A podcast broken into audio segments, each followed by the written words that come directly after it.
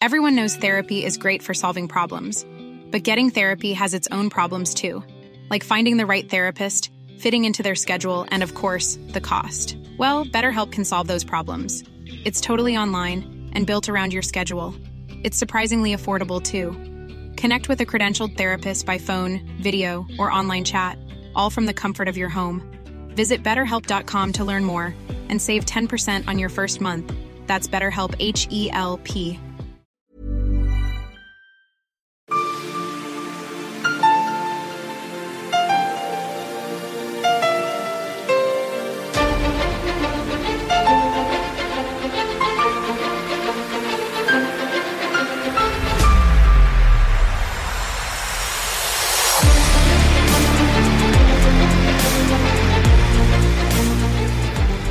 Du lyssnar på Militärsnack, podcasten där militära saker blir lätta att fatta.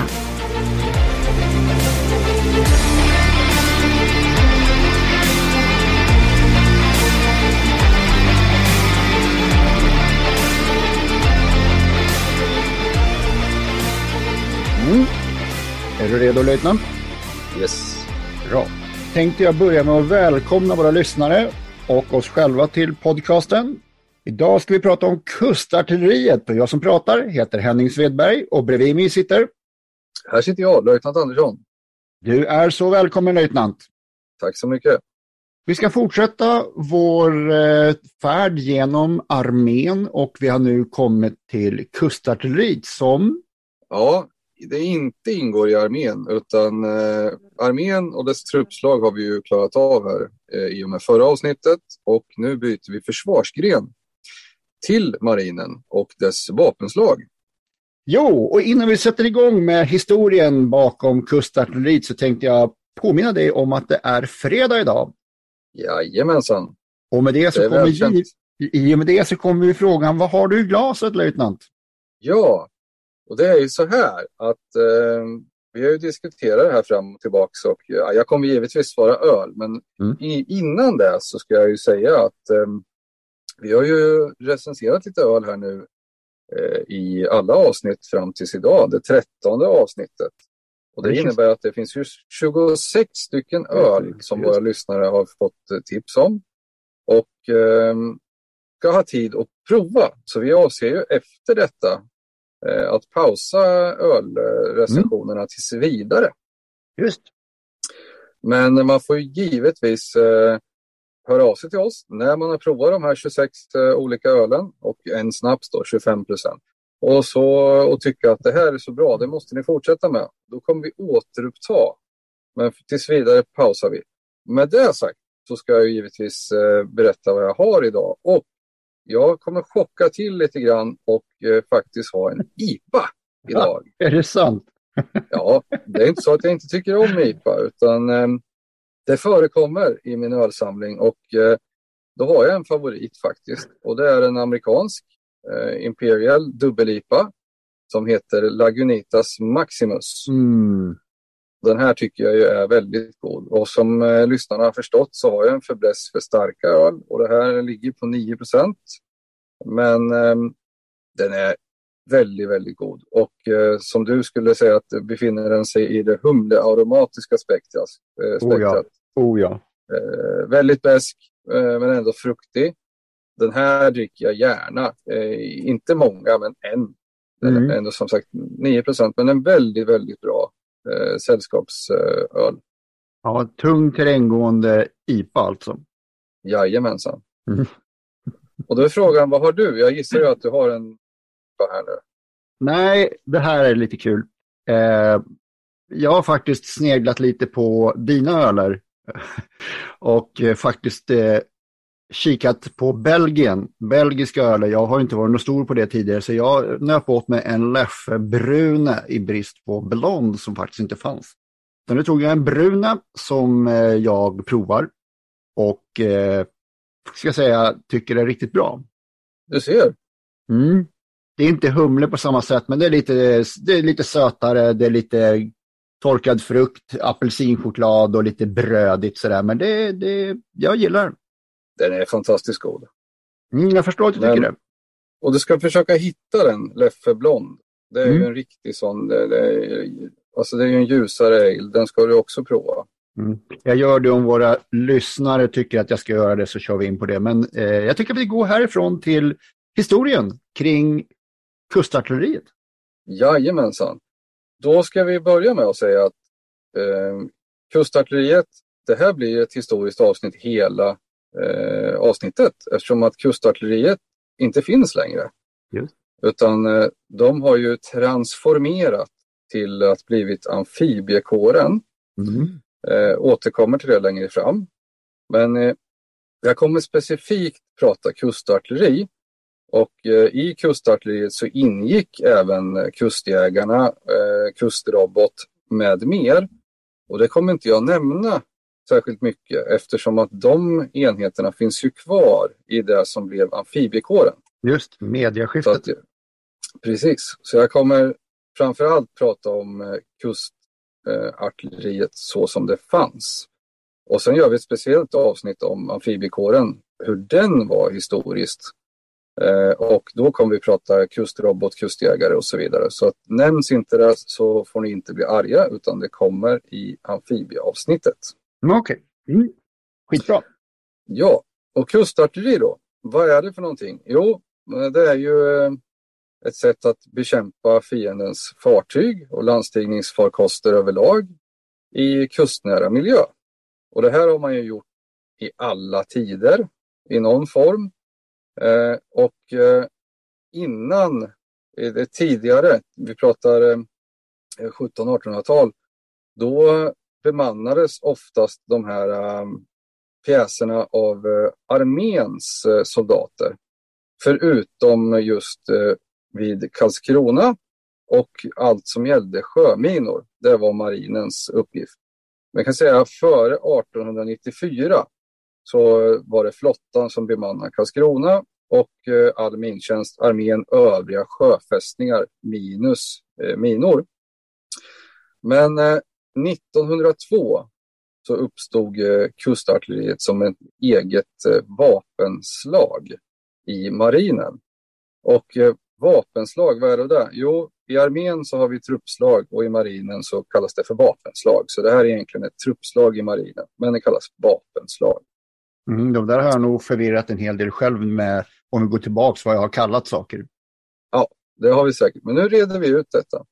Men eh, fram till 1894 som sagt så fanns det inte.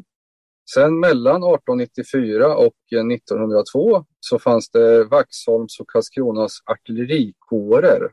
Mm. Då börjar man titta på det här specifikt, att uh, röra sig mot hållet kustartilleri som eget vapenslag. Ja, och då uppstår ju de här två regementena ur de här kårerna, Vaxholm och Karlskrona artillerikårer. Och eh, Vaxholm bildar KA1, KA för kustartilleri. Och eh, KA1 då blir ansvariga för eh, fästningarna vid Vaxholm, eh, Oskar Fredriksborg och Fårösund. Ur eh, Karlskrona artillerikår bildas eh, KA2 i Karlskrona och de blir ansvariga då för Karlskrona och eh, Älvsborgs fästning. Till detta runt 1914 så lägger man på två stycken kårer. De här blir senare då också kustartilleri, utbildningsplatser eh, och krigsförband. Och de två kårerna då det är Älvsborg och Hemsö. Och eh, från andra världskriget och framåt så bygger man ungefär 60 stycken kustartilleribatterier och de här batterierna det är ofta äldre tunga artillerisystem, eh, oftast 15,2 cm fartygspjäser och annat i ganska enkla befästningar under tidspress för att det ska gå fort då under kriget och upprätta de här. Då. Mm. Och, eh, men sen ökar kvaliteten i kustartilleriet eh, från cirka ja, men sent 60-tal, 70-tal. Då blir det riktigt, riktigt vasst och utbyggt. Bland annat eh, så skapas ju de här nya regementena då. Och eh, de regementen som har funnits i kustartilleriet det är ju tidigare nämnt K1 i Vaxholm 1902 till 00. Mm. Blev senare Amfett från 00 till dagens datum. Med en liten passus att det flyttade 2005 till Berga. Sen hade vi då KA2 i Karlskrona 1902 till 00. Eh, KA3 på Gotland 1937 till 00. KA4 i Älvsborg 1942 till 00. Blev sen AMF4 till 2004 då man la ner det. Men det har nu återuppstått som eh, AMF4 då. 2021 kom det tillbaks. Okej. Okay. Så nu har vi två, AMF1 och AMF4. Sen fanns då KA5 i Härnösand 1943 till 1998. Så ur de här artillerikårerna vart det två stycken regementen som sen vart fem. Och de eh, uppstod ju här under andra världskriget eller i anslutning till 37, 42, 43. Och eh, som jag sa, då, enklare pjäser i mer enkla värn. Sen eh, upplevde man ju så pass stort hot under kalla kriget för just sjökriget och landstigningar och sånt som kunde påverka oss. Så man eh, tillsatte en studie på slutet av 60-talet som eh, skulle ersätta de här äldre tunga artillerisystemen med mer kvalificerade saker. Och den här hette Ersta-studien. Ersta för ersättning tungt artilleri. Och eh, det man tittade på i den här studien då var bland annat fasta robotsystem, Robot 08. Och man tittade på eldrörsartilleri, vad som skulle funka bäst. Eh, en sak som påverkade valet, det var Stig Wennerström, spionen. Han röjde nämligen eh, alla planer om just Robot 08-system. Då. Eh, så det påverkade väl till viss del att man valde eldrörsartilleri. Och eh, 1971 så togs det beslut om att man skulle köra igång det här och då blev det Ersta 1270. Man, eh, det är en 12 centimeters pjäs, en tornautomatpjäs. Man bestämde sig för att bygga tio stycken eh, sådana här batterier. Eh, och det slutade med att det blev sex stycken som man skulle bygga. Och det här är ju extremt, extremt bra, eh, extremt välbyggt, de här eh, 1270 batterierna. De består av, eh, varje batteri består av tre stycken pjäser, mätstationer, ledningsplats och så fanns det även närskydd kopplat till det här då, alltså fotsoldater, luftvärnssystem, granatkastarförband, skyddsrum för alla, eh, större delar byggda i bergen. För det här är ju liksom nere i berg då, inte luftvärnet och granatkastarna och närskyddet. De hade skyddsrum, men det andra var fast anläggning. Fristående då, så varje pjäs står för sig själv. Eh, ledningsplatsen står för sig själv. I berg, varje sån större del var självförsörjande på el och vatten med mer. Man hade förläggningsplats, man hade kök och så vidare, ammunitionsupplag. Man hade 12 man per pjäs i batteriet. Och de här 12 mannen skulle vara självförsörjande och klara sig i 30 dygn. Det är fantastiskt. Helt fantastiskt. Ja. Det, här, det här med kalla kriget och, och, allt som, som vi gjorde. Jag, jag tycker det, det, det är inte ett avsnitt, det är för sjutton en hel artikelserie. Vi skulle kunna ha en podd om bara det. Jag tycker det är så fruktansvärt häftigt med allt från flygvapnets eh, bassystem och allt det du berättar nu. Ja, och det är ju så verkligen hur förberett det var. Det, det är nog få som förstår hur extremt förberedda alla var och alla hade sin plats.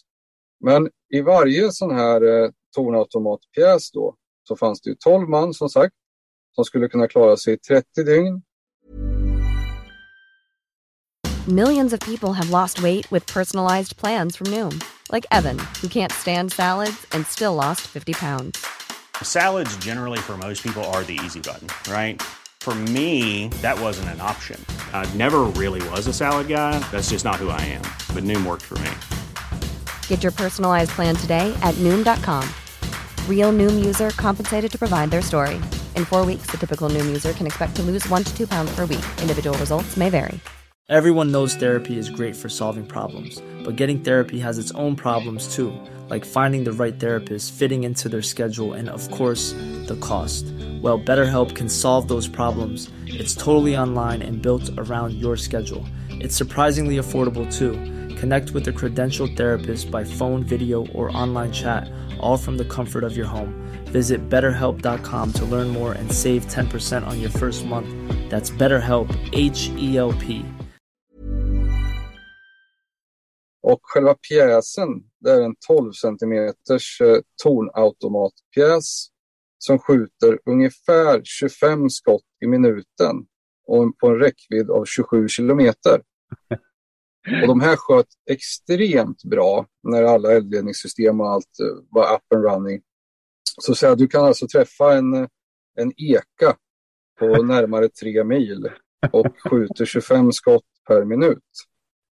Och de hade ju som sagt, de här var ju skyddade för all tänkbart för den tiden och även för den delen dagens moderna vapen med de var skyddade från allt MBC som det hette på den tiden, CBRN idag, alltså gas, eh, kärnladdning och så vidare. Och man hade tagit höjd för allting där och som sagt eh, även biologiska stridsmedel. Man hade ju eget el, vatten, mat och eh, var skyddade även mot kärnladdningar. Jag kan inte, sannolikt inte en direkt träff exakt i vapenhuven, men i närheten skulle man klara av. Och eh, allting var anpassat för att överleva upp till 30 dygn då, minst. Mm. Ja, jag, jag är så imponerad. Och det här tycker jag man kan läsa om, just Ersta 1270, för det är bland det fränaste som finns eh, om man tittar på när man har tänkt verkligen på allt. Jag blir alldeles lycklig i kroppen. Jag vill, jag vill betala mer i skatt. Ja, det här är ju någonting som gör att man, man vill det och det här skulle vi ju ha råd med. Det hade ju kostat mindre att ha det kvar än att bygga nytt. Eh, sannolikt kommer man aldrig bygga nytt. Nej. Eh, Norge exporterade vi Ersta 1270 till och jag tror banne mig att de har kvar några pjäser som i malpåse. Mm. Och utöver det här, eh, det här var ju bara ett exempel på liksom grundbulten i kustartilleriet 70-talet eh, och framåt. Eh, utöver det så ska man ju veta att det fanns ju då rörligt kustartilleri också som kunde gruppera på valfri plats längs kusten och flytta sig och skjuta mot sjömål med sina pjäser. Då. Lastbilsmonterat då eller? Ja, det, kom, det gjordes försök med tung kustrobot på lastbil, vilket vi har även idag. Och det kommer komma i amfibieavsnittet. Mm. Utan, de här har en egen variant eh, av eh, Haubits 77. Mm. Jo, de hade ju en eh, eget, eh, det rörliga kustartilleriet hade en egen variant av eh, Haubits 77, förenklat. Eh, den heter 1280 för att det var en 12 centimeters eh, kustartilleripjäs då. Även känd som eh, Karin. 1280 Karin och det står ju för kustartilleriets rörliga invasionsförsvar. Så det, utöver eh, Ersta så hade man även den eh, haubitsen då. Och eh, det rörliga kustförsvaret hade givetvis också närskydd, luftvärn och så vidare. Och eh, utöver rörliga kustartilleriet så fanns det ju även minspärrar, fasta minspärrar och rörliga minspärrar. Och de bestod ju också i sin tur av både ledning, detektion, alltså sonarslingor och så vidare, optiska riktmedel och eh, nedgrävda i, i bunkrar för de fasta och fasta minspärrar som kunde utlösas som redan låg färdigt på, på havets botten i olika farleder, vikar och sånt. Så hade de koll. Nu kommer ett landstingsfartyg, då kunde de spränga sin minspärr. Då blev soldaterna blöta. Då får de simma. Ja, så sammanfattningsvis så eh, kustartilleriet var ett eh, vapenslag i marinen mellan 1902 och år 2000. Tyvärr finns det inte kvar, men vi har ju vår amfibiekår. Dock, det fasta kustartilleriet är ju avvecklat. Vi var extremt väl förberedda från 70 och framåt med väldigt, väldigt moderna system. Bland annat då 1270 Ersta. Och utöver det rörligt kustartilleri, minspärrar och rörliga minspärrar. Mm. Det här är nog det av det vi har pratat om som jag har absolut minst insikt i. Jag visste inte alls om de här vapnen och, och hur det här såg ut. Det har för mig helt gått förbi och jag är så imponerad. Ja, mycket av det här var ju höljt i dunkel eh, och det är också beundransvärt hur man har lyckats bygga det här och vidmakthålla det här såklart att vissa människor visste vad det fanns och säkerligen delar av fienden med. De visste nog inte allt. De visste nog inte kapacitet och sånt fullt ut, men att det fanns. Men även lyckas hålla lokalbefolkning och sånt utanför. Mm. Och man hade ju stora områden som var skyddsobjekt och tillträdesförbud. Bland annat norra delarna av Gotland och Fårö var ju så att vissa delar hade du tillträde till för att det bodde folk. Men sen fanns det utlänningar fick inte passera vissa punkter och så vidare. Och eh, på Gotland fanns det ju givetvis mycket av det här. Och det fanns 1270 kvar där. Jag har faktiskt sett en sån här pjäs. Eh, det fanns ett batteri med tre pjäser där som jag har sett när de fortfarande fanns kvar. Mm. Mm. Ja, och eh, som sagt så lägger jag in brasklappen igen där att vi inte pratat kustrobot, kustjägare med mer, utan det får vi ta separat i amfibieavsnittet. Utan det här var, blev ett rent historieavsnitt eftersom att det här tyvärr inte finns kvar. Mm. Kustartilleriet är ju knappast unikt för Sverige. Eh, det har ju funnits i, i många andra länder. Finns det någonstans i historien där kustartilleriet har varit avgörande eller väldigt delavgörande i en militär operation. Jag tänker, ja. Eh, eh, vad heter det, Merville-batteriet i Normandie till exempel. Ja, jag tänkte precis på Normandie. Det är väl kanske inte renodlat eh, kustartilleri som eh, vapenslag i den bemärkelsen, men där har du ett exempel på hur man kraftfullt har försvårat för en, en fiende att landstiga. Man har räknat ut vilka stränder och vilken plats man tror att fienden kommer landstiga på. Och dessutom så skedde ju mycket vilseledningar och eh, de allierade landsteg väl inte exakt det man hade tänkt men ändå så lyckas man försvara sig väldigt bra med hjälp av förberedelser. Och numerärerna kanske inte var på tyskarnas sida och ändå så lyckas man ju med hjälp av minor, befästningar och sånt försvåra avsevärt för eh, landstigningsoperationen. Mm. Bra, och eh, med det så tror jag vi har klarat av eh, kustartilleriet som vapenslag väldigt luftigt.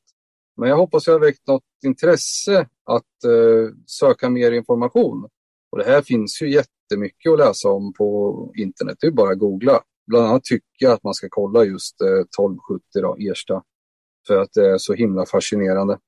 Mm.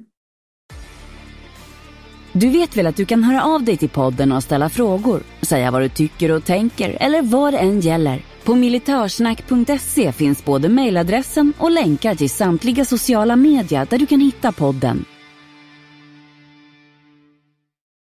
Och med det sagt så är vi ju inne på dagens fråga Vad skulle du? Och ja. då frågar jag dig till att börja med. Vad skulle du använda kustartilleriet till om du fick använda det till vad som helst? Mm. Jag skulle vilja använda det här norska eh, batteriet som de satte upp. Eh, de, jag vet inte hur de fick tag i kanonerna, om det var från Tirpitz, eh, 38 centimeters tvåpipiga som de lyckades få upp i bergen någonstans. Och den, jag tror de sköt, men i alla fall den sköt långt, 38 centimeters kanoner. Men att skjuta bort alla de här eh, vindkraftverken, idén om att sätta massa vindkraftverk till havs, eh, det, det, tycker jag inte om. Eh, de, de skjuter vi bort helt eh, legitimt mål. Mm. Absolut. Och själv? Ja, jag blir mer skinntorr idag. Jag skulle helt enkelt eh, bara välja att återupprätta kustartilleriet som eh, ett vapenslag i marinen igen. Mm. Och då menar jag inte för alla i amfibiekåren nu att de ska försvinna utan amfibiekåren får vara kvar och pyssla med det de håller på med. Och sen återupprättar vi ett eh, kustartilleri mot eh, invasionshot mm. utöver detta. Ja, helt på. Helt på. Jajamän, och då är vi framme på den andra stående punkten och eh, när farbror Henning berättar om veckans datum. Mm. Och eh, då ja. i detta avsnitt är vi framme på första juli. Första juli, ja. Då har vi ena, jag tänkte faktiskt ta upp två grejer för att de är så pass viktiga ur militärhistorien. Och det ena är 1863 och då är det en sydstatsarmé på 72 000 man som är ledd, ledd av general Robert E. Lee som drabbas samman med en nordstatshär på 94 000 man ledd av George Meade vid Gettysburg, Pennsylvania.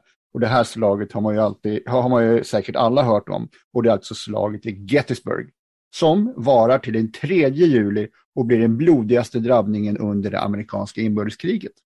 Och det blir också vändpunkten i kriget då nordstatssidan ger då nordstatsidans seger den 3 juli stoppar general Lees invasion i norr och ger nordstaterna initiativ i kriget.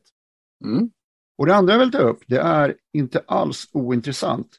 För det är Entanten inledde slaget i Somme som pågår till den 18 november, det här är 1916, och blir ett av de blodigaste slagen på västfronten under första världskriget. Och inledningsvis så deltar 280 000 man på Entantens sida och 260 000 man på den tyska. Men eftersom offensiven drar ut på tiden och slukar fler dödsoffer tvingas båda sidor sätta in fler man. Till slut 1,2 miljoner man har satts in på Entantens sidan och nästan 1,4 på den tyska. Över 600 000 man stupar på den västallierade sidan medan tyskarna förlorar uppåt 500 000 man under de fyra och en halv månad som slaget varar. Mm. Så är det. Så är det.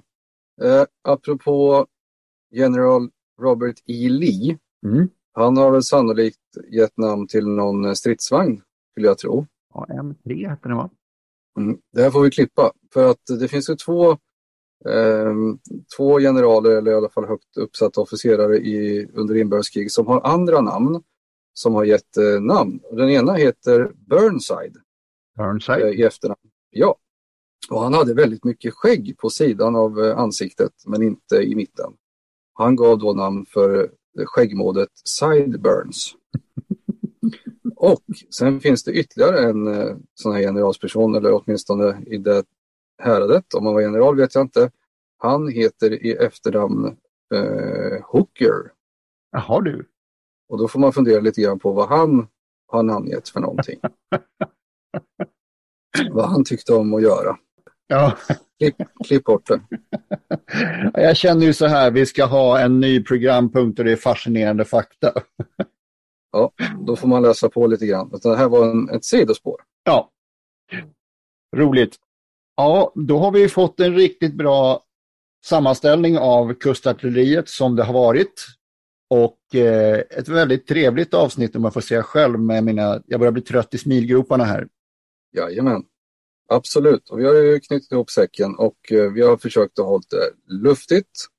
Men att vi har förklarat vad det var och eh, väckt lite intresse. Det har vi, mitt i alla fall. Men eh, med de orden så tycker jag att det är dags för oss att tacka för oss detta avsnitt. Det gör vi. Vi tackar och eh, sen har vi lovat att nästa avsnitt, nummer 14 i ordningen, blir om amfibiekåren. Nej, men vi tackar så mycket och så säger vi på återseende. Det gör vi. Tack och hej. Hej!